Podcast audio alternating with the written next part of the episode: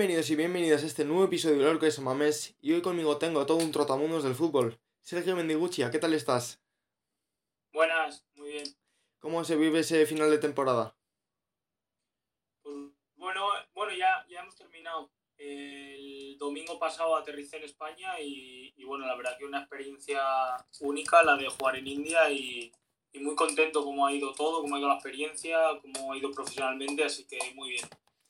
Vamos a empezar hablando un poco de tu carrera y es que tú eres asturiano, pero de una forma u otra acabas en el Zama. ¿Cómo es eso? Pues sí, a, a ver, al final, pues bueno, sí que tengo orígenes navarros y luego de, me for- de joven con mis padres viví en Santurce y, y viviendo en Santurce pues eh, sí que estoy en el mini Lezama, que es como Sí. una selección que hacen de la margen izquierda y de la margen derecha. Y, y luego cuando ya estaba en, el- en edad alevín, pues mis padres, eh, justo cuando el atleta empieza a tener categorías, mis padres se, se trasladan a Madrid por temas de trabajo. Sí. Entonces, bueno, yo me voy con mis padres, pero bueno, siempre estuve ahí como enlazo y, y bueno, pues cuando parecía que despuntaba un poco en Madrid, pues el Atleti ve que, ve que me tenía a mí en las bases de datos, me vuelve a ver y, y me contacta y me contacta y la verdad que, que no, te- no tuve ninguna duda porque bueno, sí que es verdad que al debutar tan joven en tercera división varios, varios clubes se interesaron por mí. Sí. Pero De sí hecho, que cuando- Debutas con 15 años, ¿no?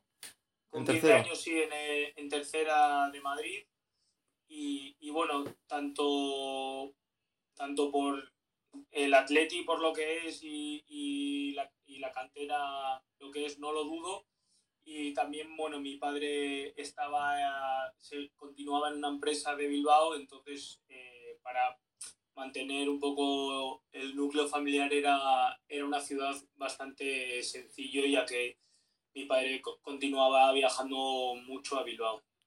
¿Y cómo es tu entrada? Porque tú entras con idea de ir al Vasconia. ¿Qué piensas cuando al final se oficializa y llegas a Lezama?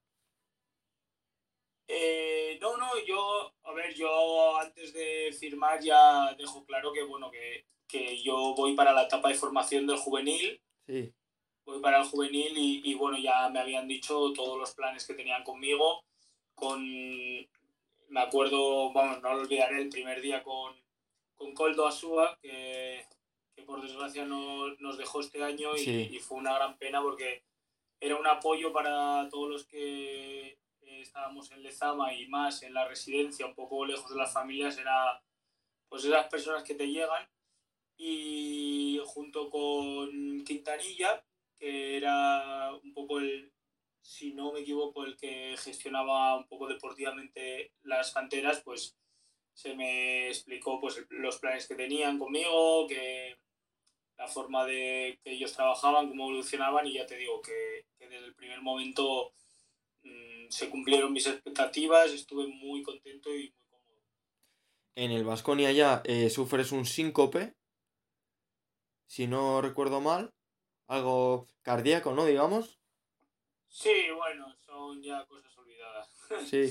En aquel momento, ¿piensas que puede peligrar tu carrera o decides seguir adelante y crees que ha sido una piedra en el camino? No, no, yo la verdad que nunca, nunca, nunca pensé en, en que pueda peligrar mi carrera porque, porque, porque no, y así ha sido, la verdad, o sea, al final eh, cada uno se toma las cosas a, a su manera y, y bueno, yo sí que me esperaba pues eso, volver a Lezama, eh, triunfar en el Atleti, pero, pero bueno, no, no pasa nada, como como se dice, que el fútbol no acaba ni en el Atleti, ni en España, ni, ni, ni en ningún sitio.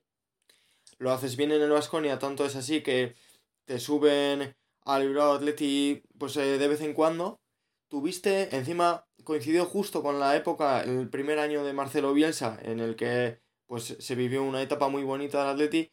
¿Tuviste alguna oportunidad de entrenar con el primer equipo o de formar parte del primer equipo quizá ocasionalmente?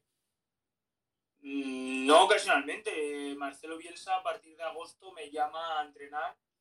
eh, a finales de agosto o principios de septiembre me llama a entrenar de vez en cuando. Incluso en pretemporada voy convocado a un amistoso contra el Lemona, contra el, Sí.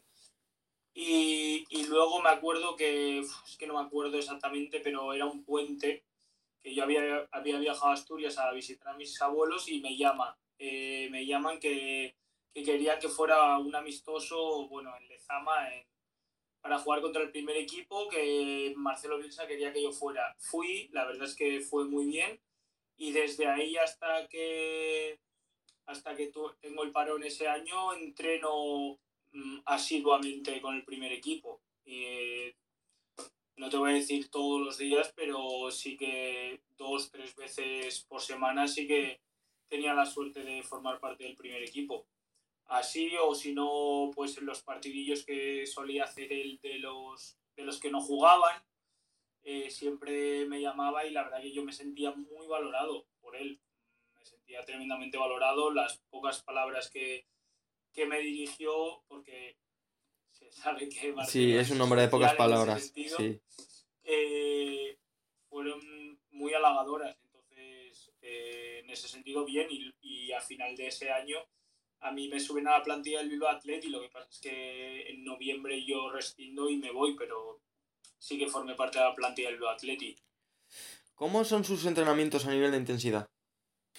Pues la verdad es que una locura porque al final sí que había entrenamientos un poco más light, que era todo movimientos, presiones y eso, pero cuando quería llevar a la práctica eh, todo, el, todo el trabajo táctico de movimientos, de presiones, que lo intentaba hacerlo con salida de balones o con partidos a medio campo de 6 para 6 o algo así, que las distancias eran muy largas, eh, no había fueras, no había cornes, era todo muy rápido, balones alrededor de las líneas para que no se cortara.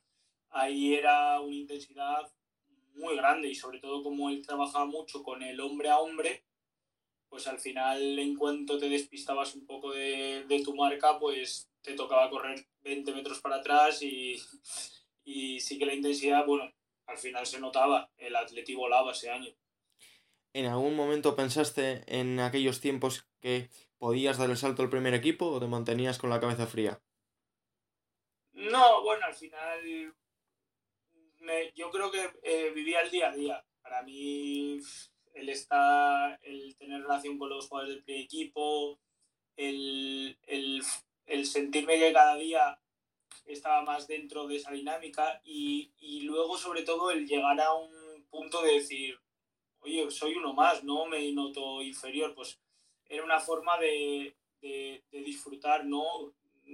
Al final tenía 17, 18 años, sí que no me volví loco, creo que nunca en los éxitos que he tenido o en, o en los debut tempraneros que he tenido a lo largo de mi vida, no me he vuelto loco, sí, lo que sí que es que lo he disfrutado, al final a mí me gusta el fútbol, me gusta el mundo profesional y, y, yo lo disfrutaba, yo me moría de ganas por, por entrenar, por jugar, por participar, pero, pero ya te digo, era un poco el, el disfrutarlo, el día a día. Para mí, el ir a entrenar o el participar en un amistoso con el primer equipo era como, como jugar la Champions League. Sí, casi un premio, ¿no? Digamos.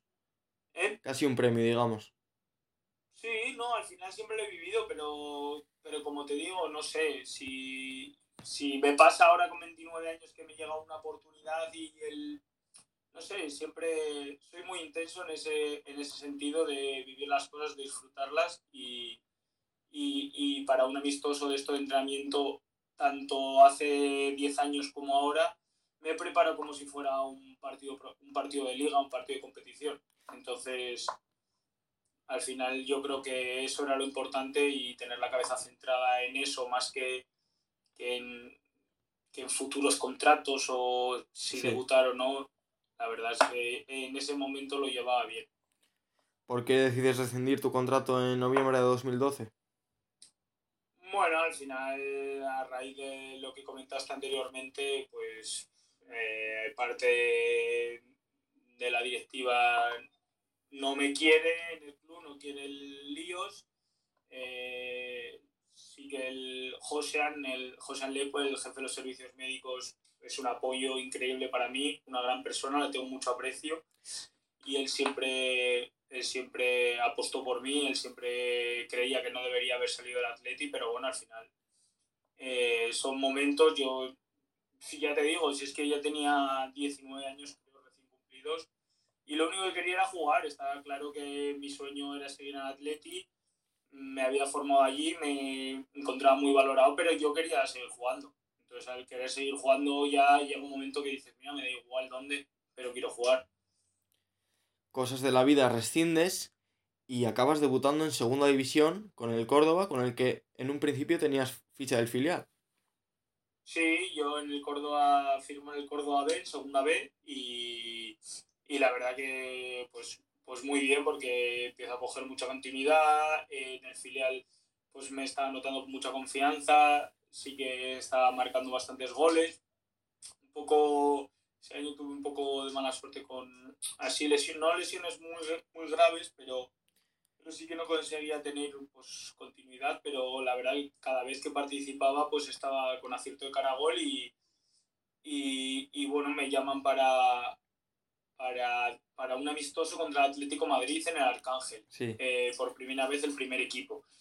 Entonces, pues bueno, pues imagínate, pues increíble, porque encima el estadio no, no lleno, pero con mucha gente. Expectación también seguramente por el rival. ¿Eh? Expectación por el rival seguramente. Claro, el Atlético Madrid, al final estaba Raúl García, que me acuerdo que marcó también. O sea, quedamos 1-1, marcó Raúl García y yo tuve la suerte de marcar el gol del Córdoba. Y, y, y, y nada, pues la verdad que a partir de ahí el entrenador del primer equipo eh, que en, eso, en ese momento era Pablo Villa, que ahora forma parte del staff técnico del, de Emery, en el Villarreal. Eh, que por cierto, su mujer es, es vasca y siempre, siempre, siempre se acercaba a Lezama para, para, para ver la metodología y cómo se, cómo se entrena y eso. Y, y nada, eh, ya formó parte entre comillas, de los, del equipo, porque ya entreno con el primer equipo, entro en Dinamarca primer equipo, debuto contra el Barça B, tengo la suerte de debutar con gol también. Sí. Y, y entonces nada, pues ya un poco un poco continúo entrenando con ellos y, y algo, si, iba, si iba convocado pues eh, jugaba con el primer equipo y si no pues bajaba con el filial. Así que la verdad que un año, ya te digo, ese año me marcó, fui muy feliz, la ciudad de Córdoba me encantó, la gente me encantó, así que, como te decía, en ningún sitio se acaba el fútbol y, y al final siempre encuentras sitios donde estás contento. Seguimos avanzando poco a poco. ¿Qué significa para un asturiano, en este caso, que le llame el Sporting de Gijón? Bueno, a ver, siempre estar en casa eh, casa, decir, así decirlo, estar cerca de parte de la familia. Eh, es bonito, pero bueno, si tampoco, eh, o sea, uy, perdón. Ah, tranquilo, tranquilo. Eh, tampoco, sí que yo nací en Asturias y eso, pero tampoco he vivido mucho en Asturias, así que al final mis abuelos son, viven allí, entonces todos los veranos pues me acerco a, a visitar, tengo amigos pero donde más amigos he hecho y eso ha sido en, en, mis dos años que estoy en el Sporting. O sea que, bueno, sí es, es a lo mejor más llevadero porque ya conoces a alguien, pero, pero así en principio no era, mm, no era una decisión que, que tirara mucho el, el, que fuera un equipo asturiano o, o otro de otra parte. Pero bueno, sí que mi etapa fue fue bonita, me gustó, me estuve muy cómodo, creo que di un rendimiento bueno, así que contento. Cosas de la vida, debutas en San Mamés contra el Atleti. Sí, sí, sí, la verdad que parece como un guion de película, pero, pero sí, mala suerte que perdimos 3-0, pero bueno, Mamés es muy difícil.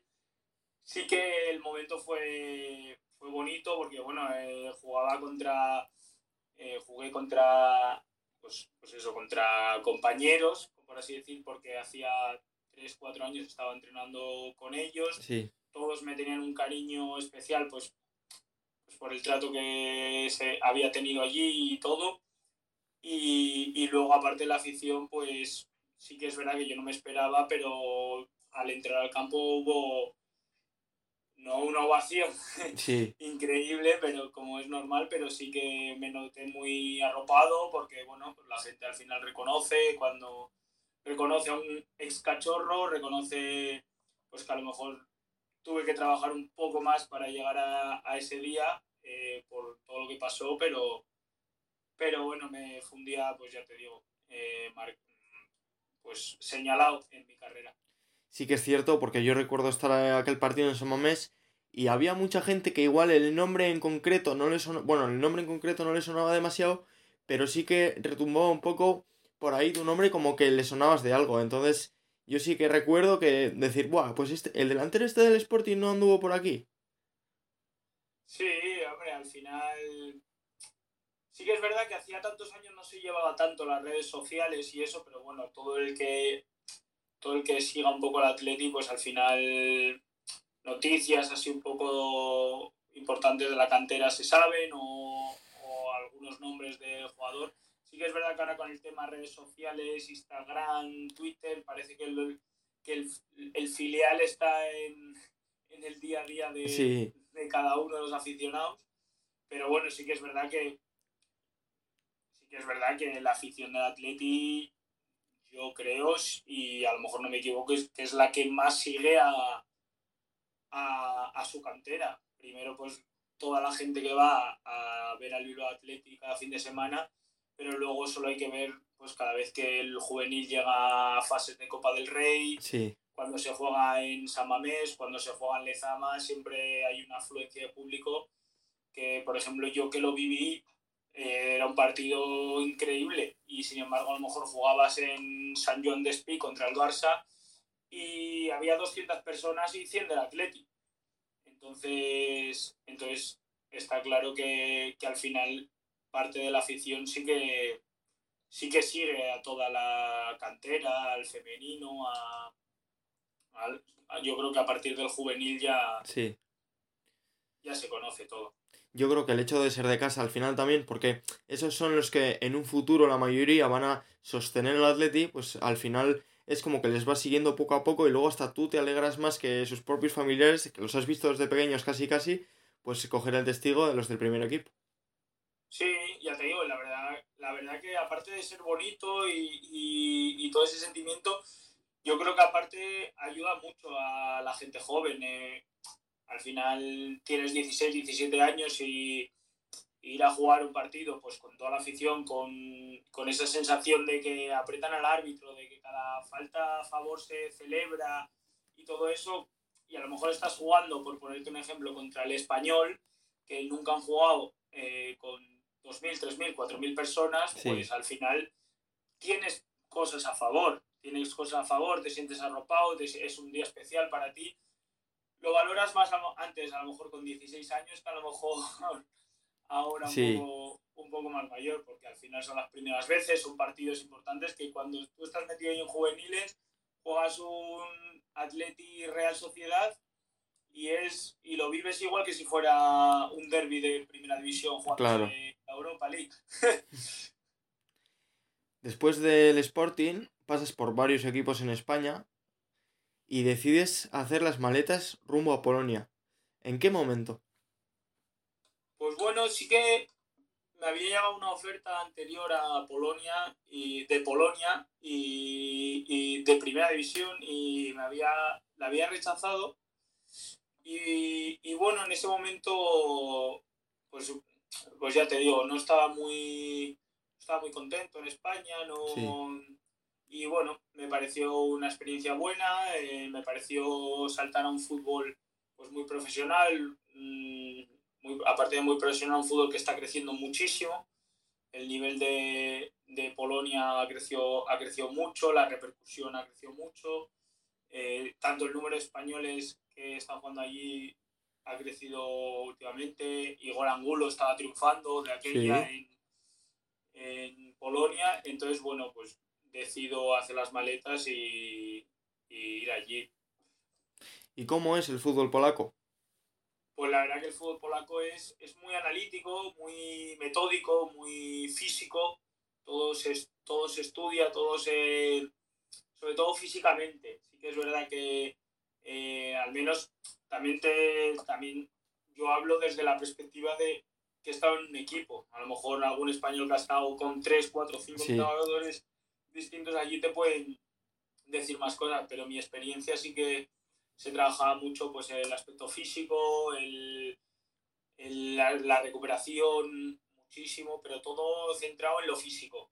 Eh, al final es, es, una liga poderosa, allí te encuentras jugadores muy altos, aquí es muy difícil encontrarse con, con un central de 1,90, por ejemplo, y, en, en, España, el fútbol español, pero sin embargo en Polonia allí todos los equipos tenían un central o dos, o, o, dos centrales y un pivote de 1,90 o 1,95, pues te dice un poco la idea de fútbol que hay, que hay allí, luego mucha ida y vuelta, mucha ida y vuelta, pero, pero ya te digo que es, es, es buen fútbol, cuesta un poco adaptarse, el idioma, eh, la forma de jugar, cuesta un poco el adaptarse, hay gente que se adapta más rápido, hay gente que se adapta, le cuesta más, pero, pero bueno, yo la verdad que una experiencia, una experiencia buena y no me cierro las puertas a volver porque la verdad que estuve, no, no me fue especialmente bien, pero bueno, yo creo que fue una experiencia enriquecedora, me ayudó mucho a, a ser futbolista que ahora soy y no me cierro las puertas a volver e, intentar triunfar allí. ¿Y qué te llamó la atención del Stal Melec para aceptar la oferta? Pues bueno, al final Stal Melec es un equipo, eh, es, es, un buen equipo, ahora mismo está en primera división. Eh, si no me equivoco, tiene dos eh, dos ligas ganadas, que al final no es un histórico, pero, pero bueno, es un, es un club con historia. Eh, y, y, bueno, y a priori nada más, a priori fui un poco, fui un poco a ciegas, pero, pero bueno, luego sí tuve la suerte a los dos meses de llegar yo allí, eh, firmó otro español que llevaba allí varios años, Jonathan de Amo, y, y, bueno, él continúa allí en Polonia, no es su séptimo año allí y me ayudó mucho, tanto en el idioma como entender eh, pues eso, la mentalidad polaca, la, el fútbol y, y la verdad que, que, muy bien. No, no me informé mucho antes de ir allí y fui un poco... A ciegas. Fui un poco con la mentalidad española y al llegar allí pues al final te toca... Ahora mismo yo creo que me iría mejor que lo que me fue porque al final pues bueno pues ya sabes cómo va a ser, ya sabes lo que les gusta, lo que no, pues al final, como todo, la experiencia te ayuda. Hemos hablado de su fútbol, hemos hablado del club, pero ¿la vida polaca cómo es? Uf, la vida polaca, a ver, es que claro, yo estuve en Miele, que es una ciudad, pues, por decirte algo, un pueblo grande. Sí. Una ciudad muy industrial, eh, no había extranjeros en la ciudad, por por decir, no había extranjeros. Yo creo que los únicos extranjeros que vi en la ciudad fueron los que éramos en el equipo. Eh, entonces, bueno, es una ciudad un poco cerrada en ese sentido. Pero claro, si te vas a Cracovia, si te vas a Varsovia, pues la vida es totalmente distinta. Allí el invierno es duro, porque al final a, las 4 de la tarde es de noche, eh, mucho frío, y entonces la gente lo único que hace es pues ir a la compra en coche y volver.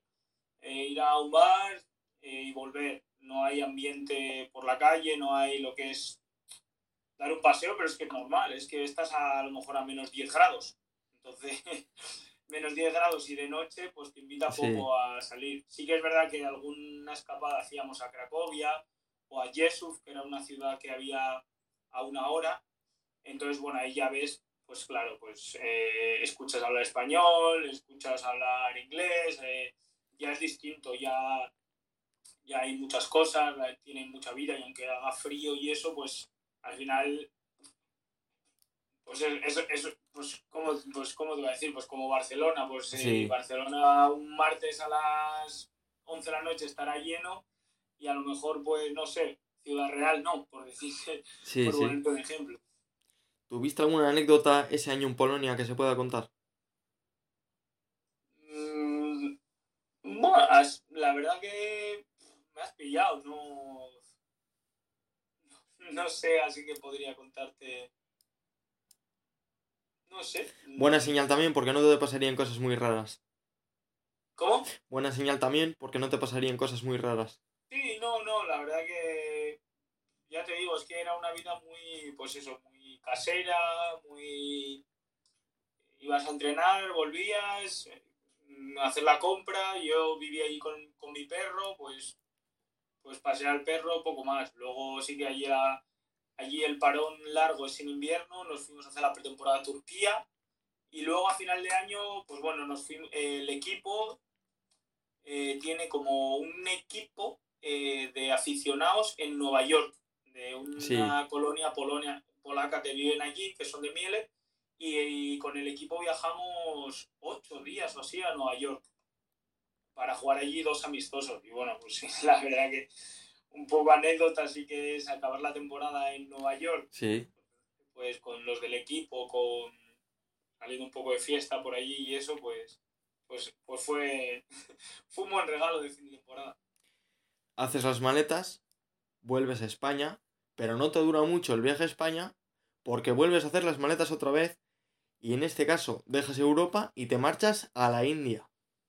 Sí, sí, sí. Eh, esto fue el verano pasado cuando firmó en India y ahí ya tenía decidido que quería irme sí o sí. O sea, mi prioridad era salir de España. Hombre, estaba claro que si me saliera aquí una opción, si me hubiera salido aquí una opción buena o atractiva, sí. o ¿cómo? Atractiva, digo, una opción atractiva. Sí, atractiva, pero, pero ya te digo que mm, lo que el cuerpo me pedía era salir fuera.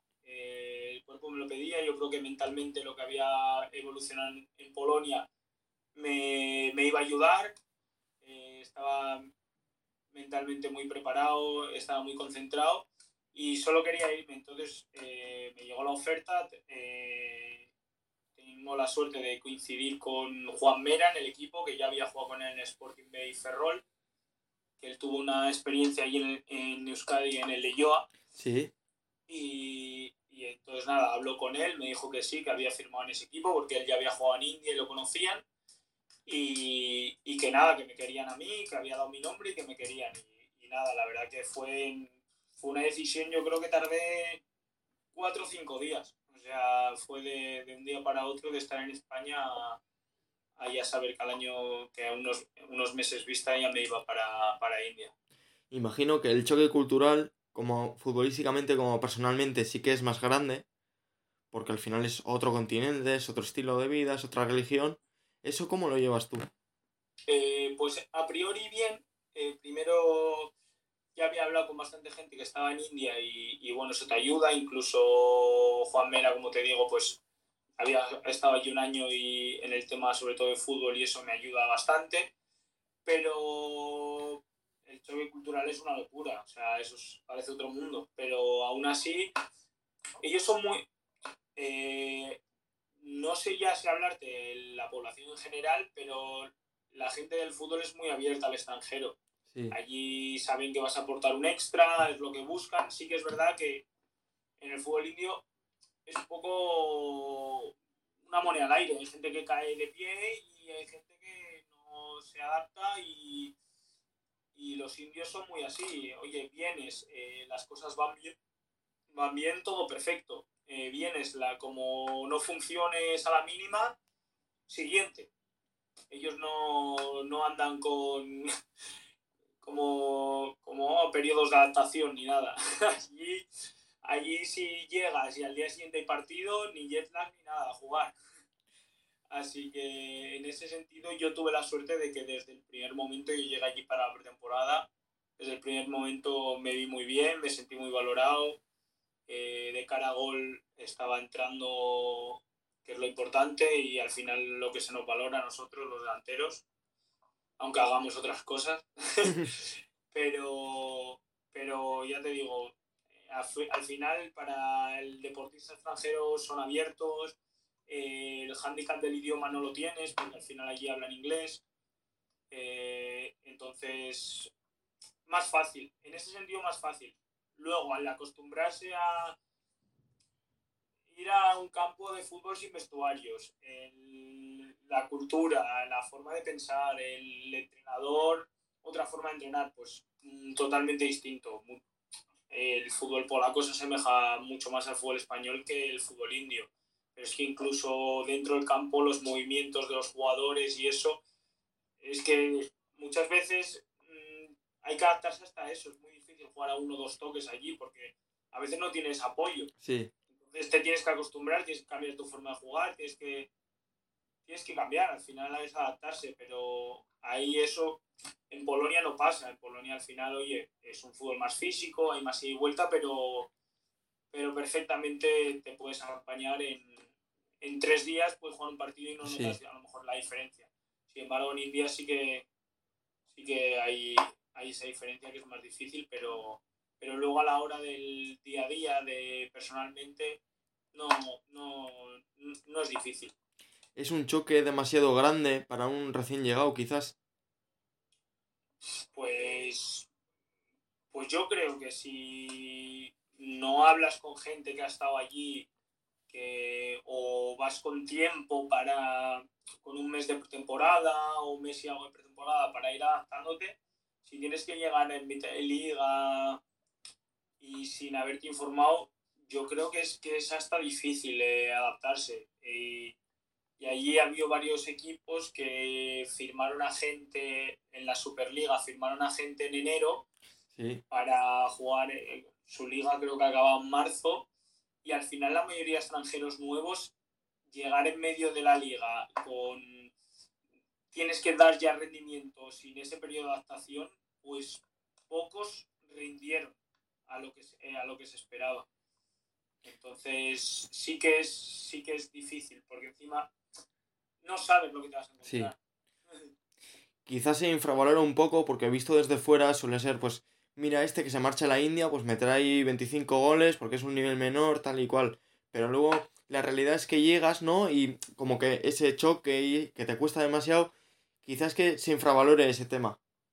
Sí, eh, eso siempre a mí también me lo, me lo decían, pero luego con todos los extranjeros que hablas allí, dicen, no, es que el nivel, el nivel es más flojo. Ya, pero en teoría, si el nivel del contrario es más flojo, el, los que juegan contigo también.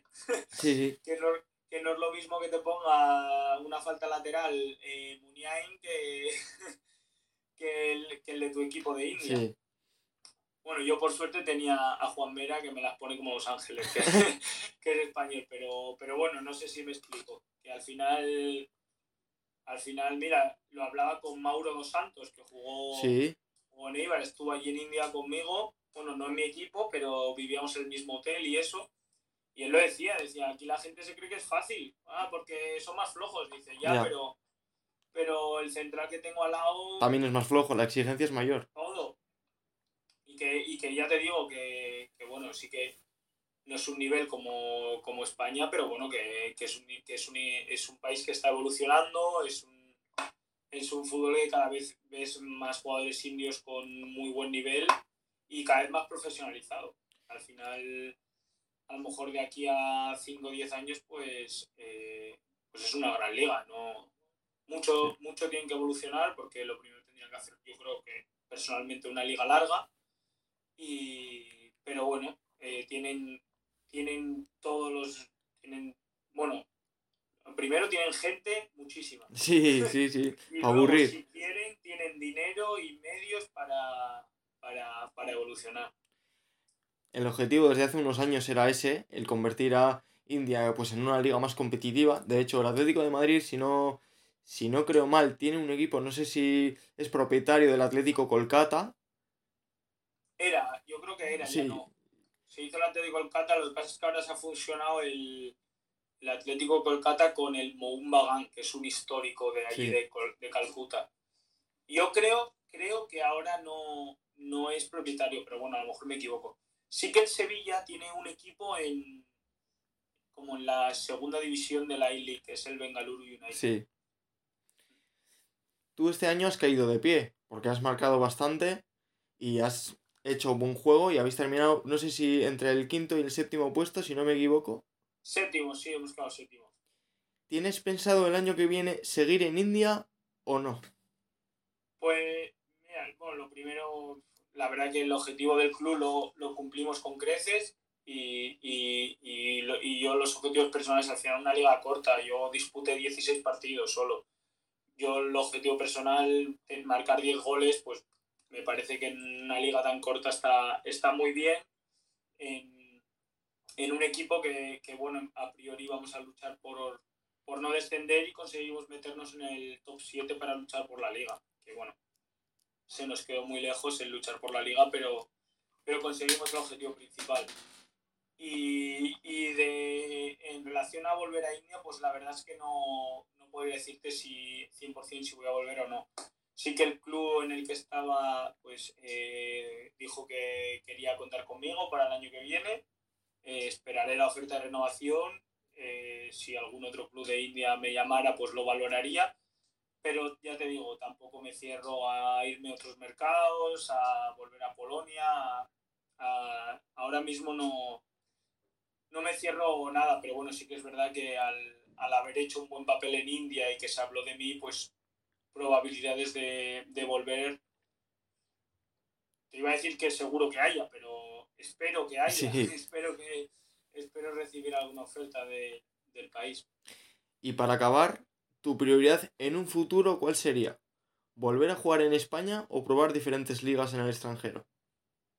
Ahora mismo, a día de hoy, es eh, probar diferentes ligas. Sí que, bueno, mm, probar alguna liga europea, pues eh, me gustaría.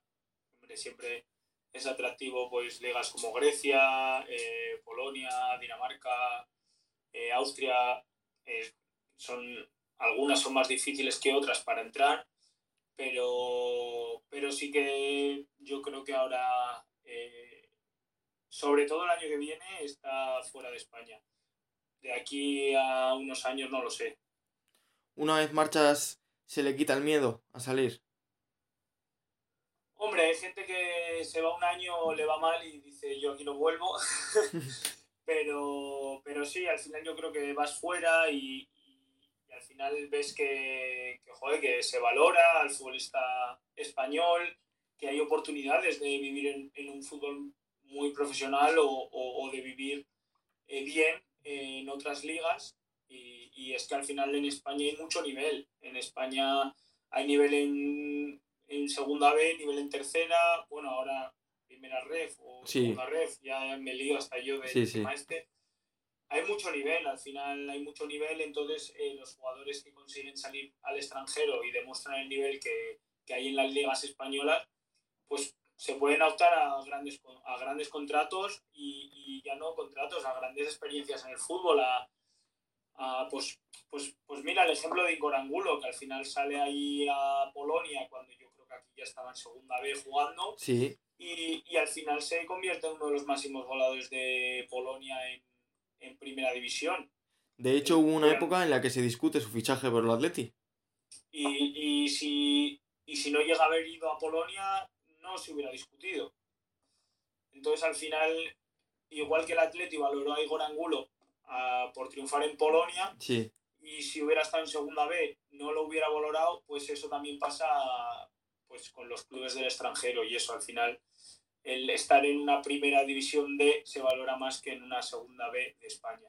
Pero bueno, ya te digo, eh, hay mucho nivel en España y yo siempre animo a la gente a salir, a ser, luego yo creo que personalmente te ayuda mucho, te ayuda mucho pues eh, a aprender idiomas, a mejorar el inglés, a ser más social, a, ser fuerte y, bueno, pero bueno, eso cada uno va con la persona y con lo que cada uno quiera.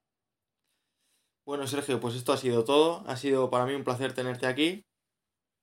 Igualmente, ha sido un placer. Y espero que el año que viene sigas marcando goles, ya sea en India, en Malta o en Albania.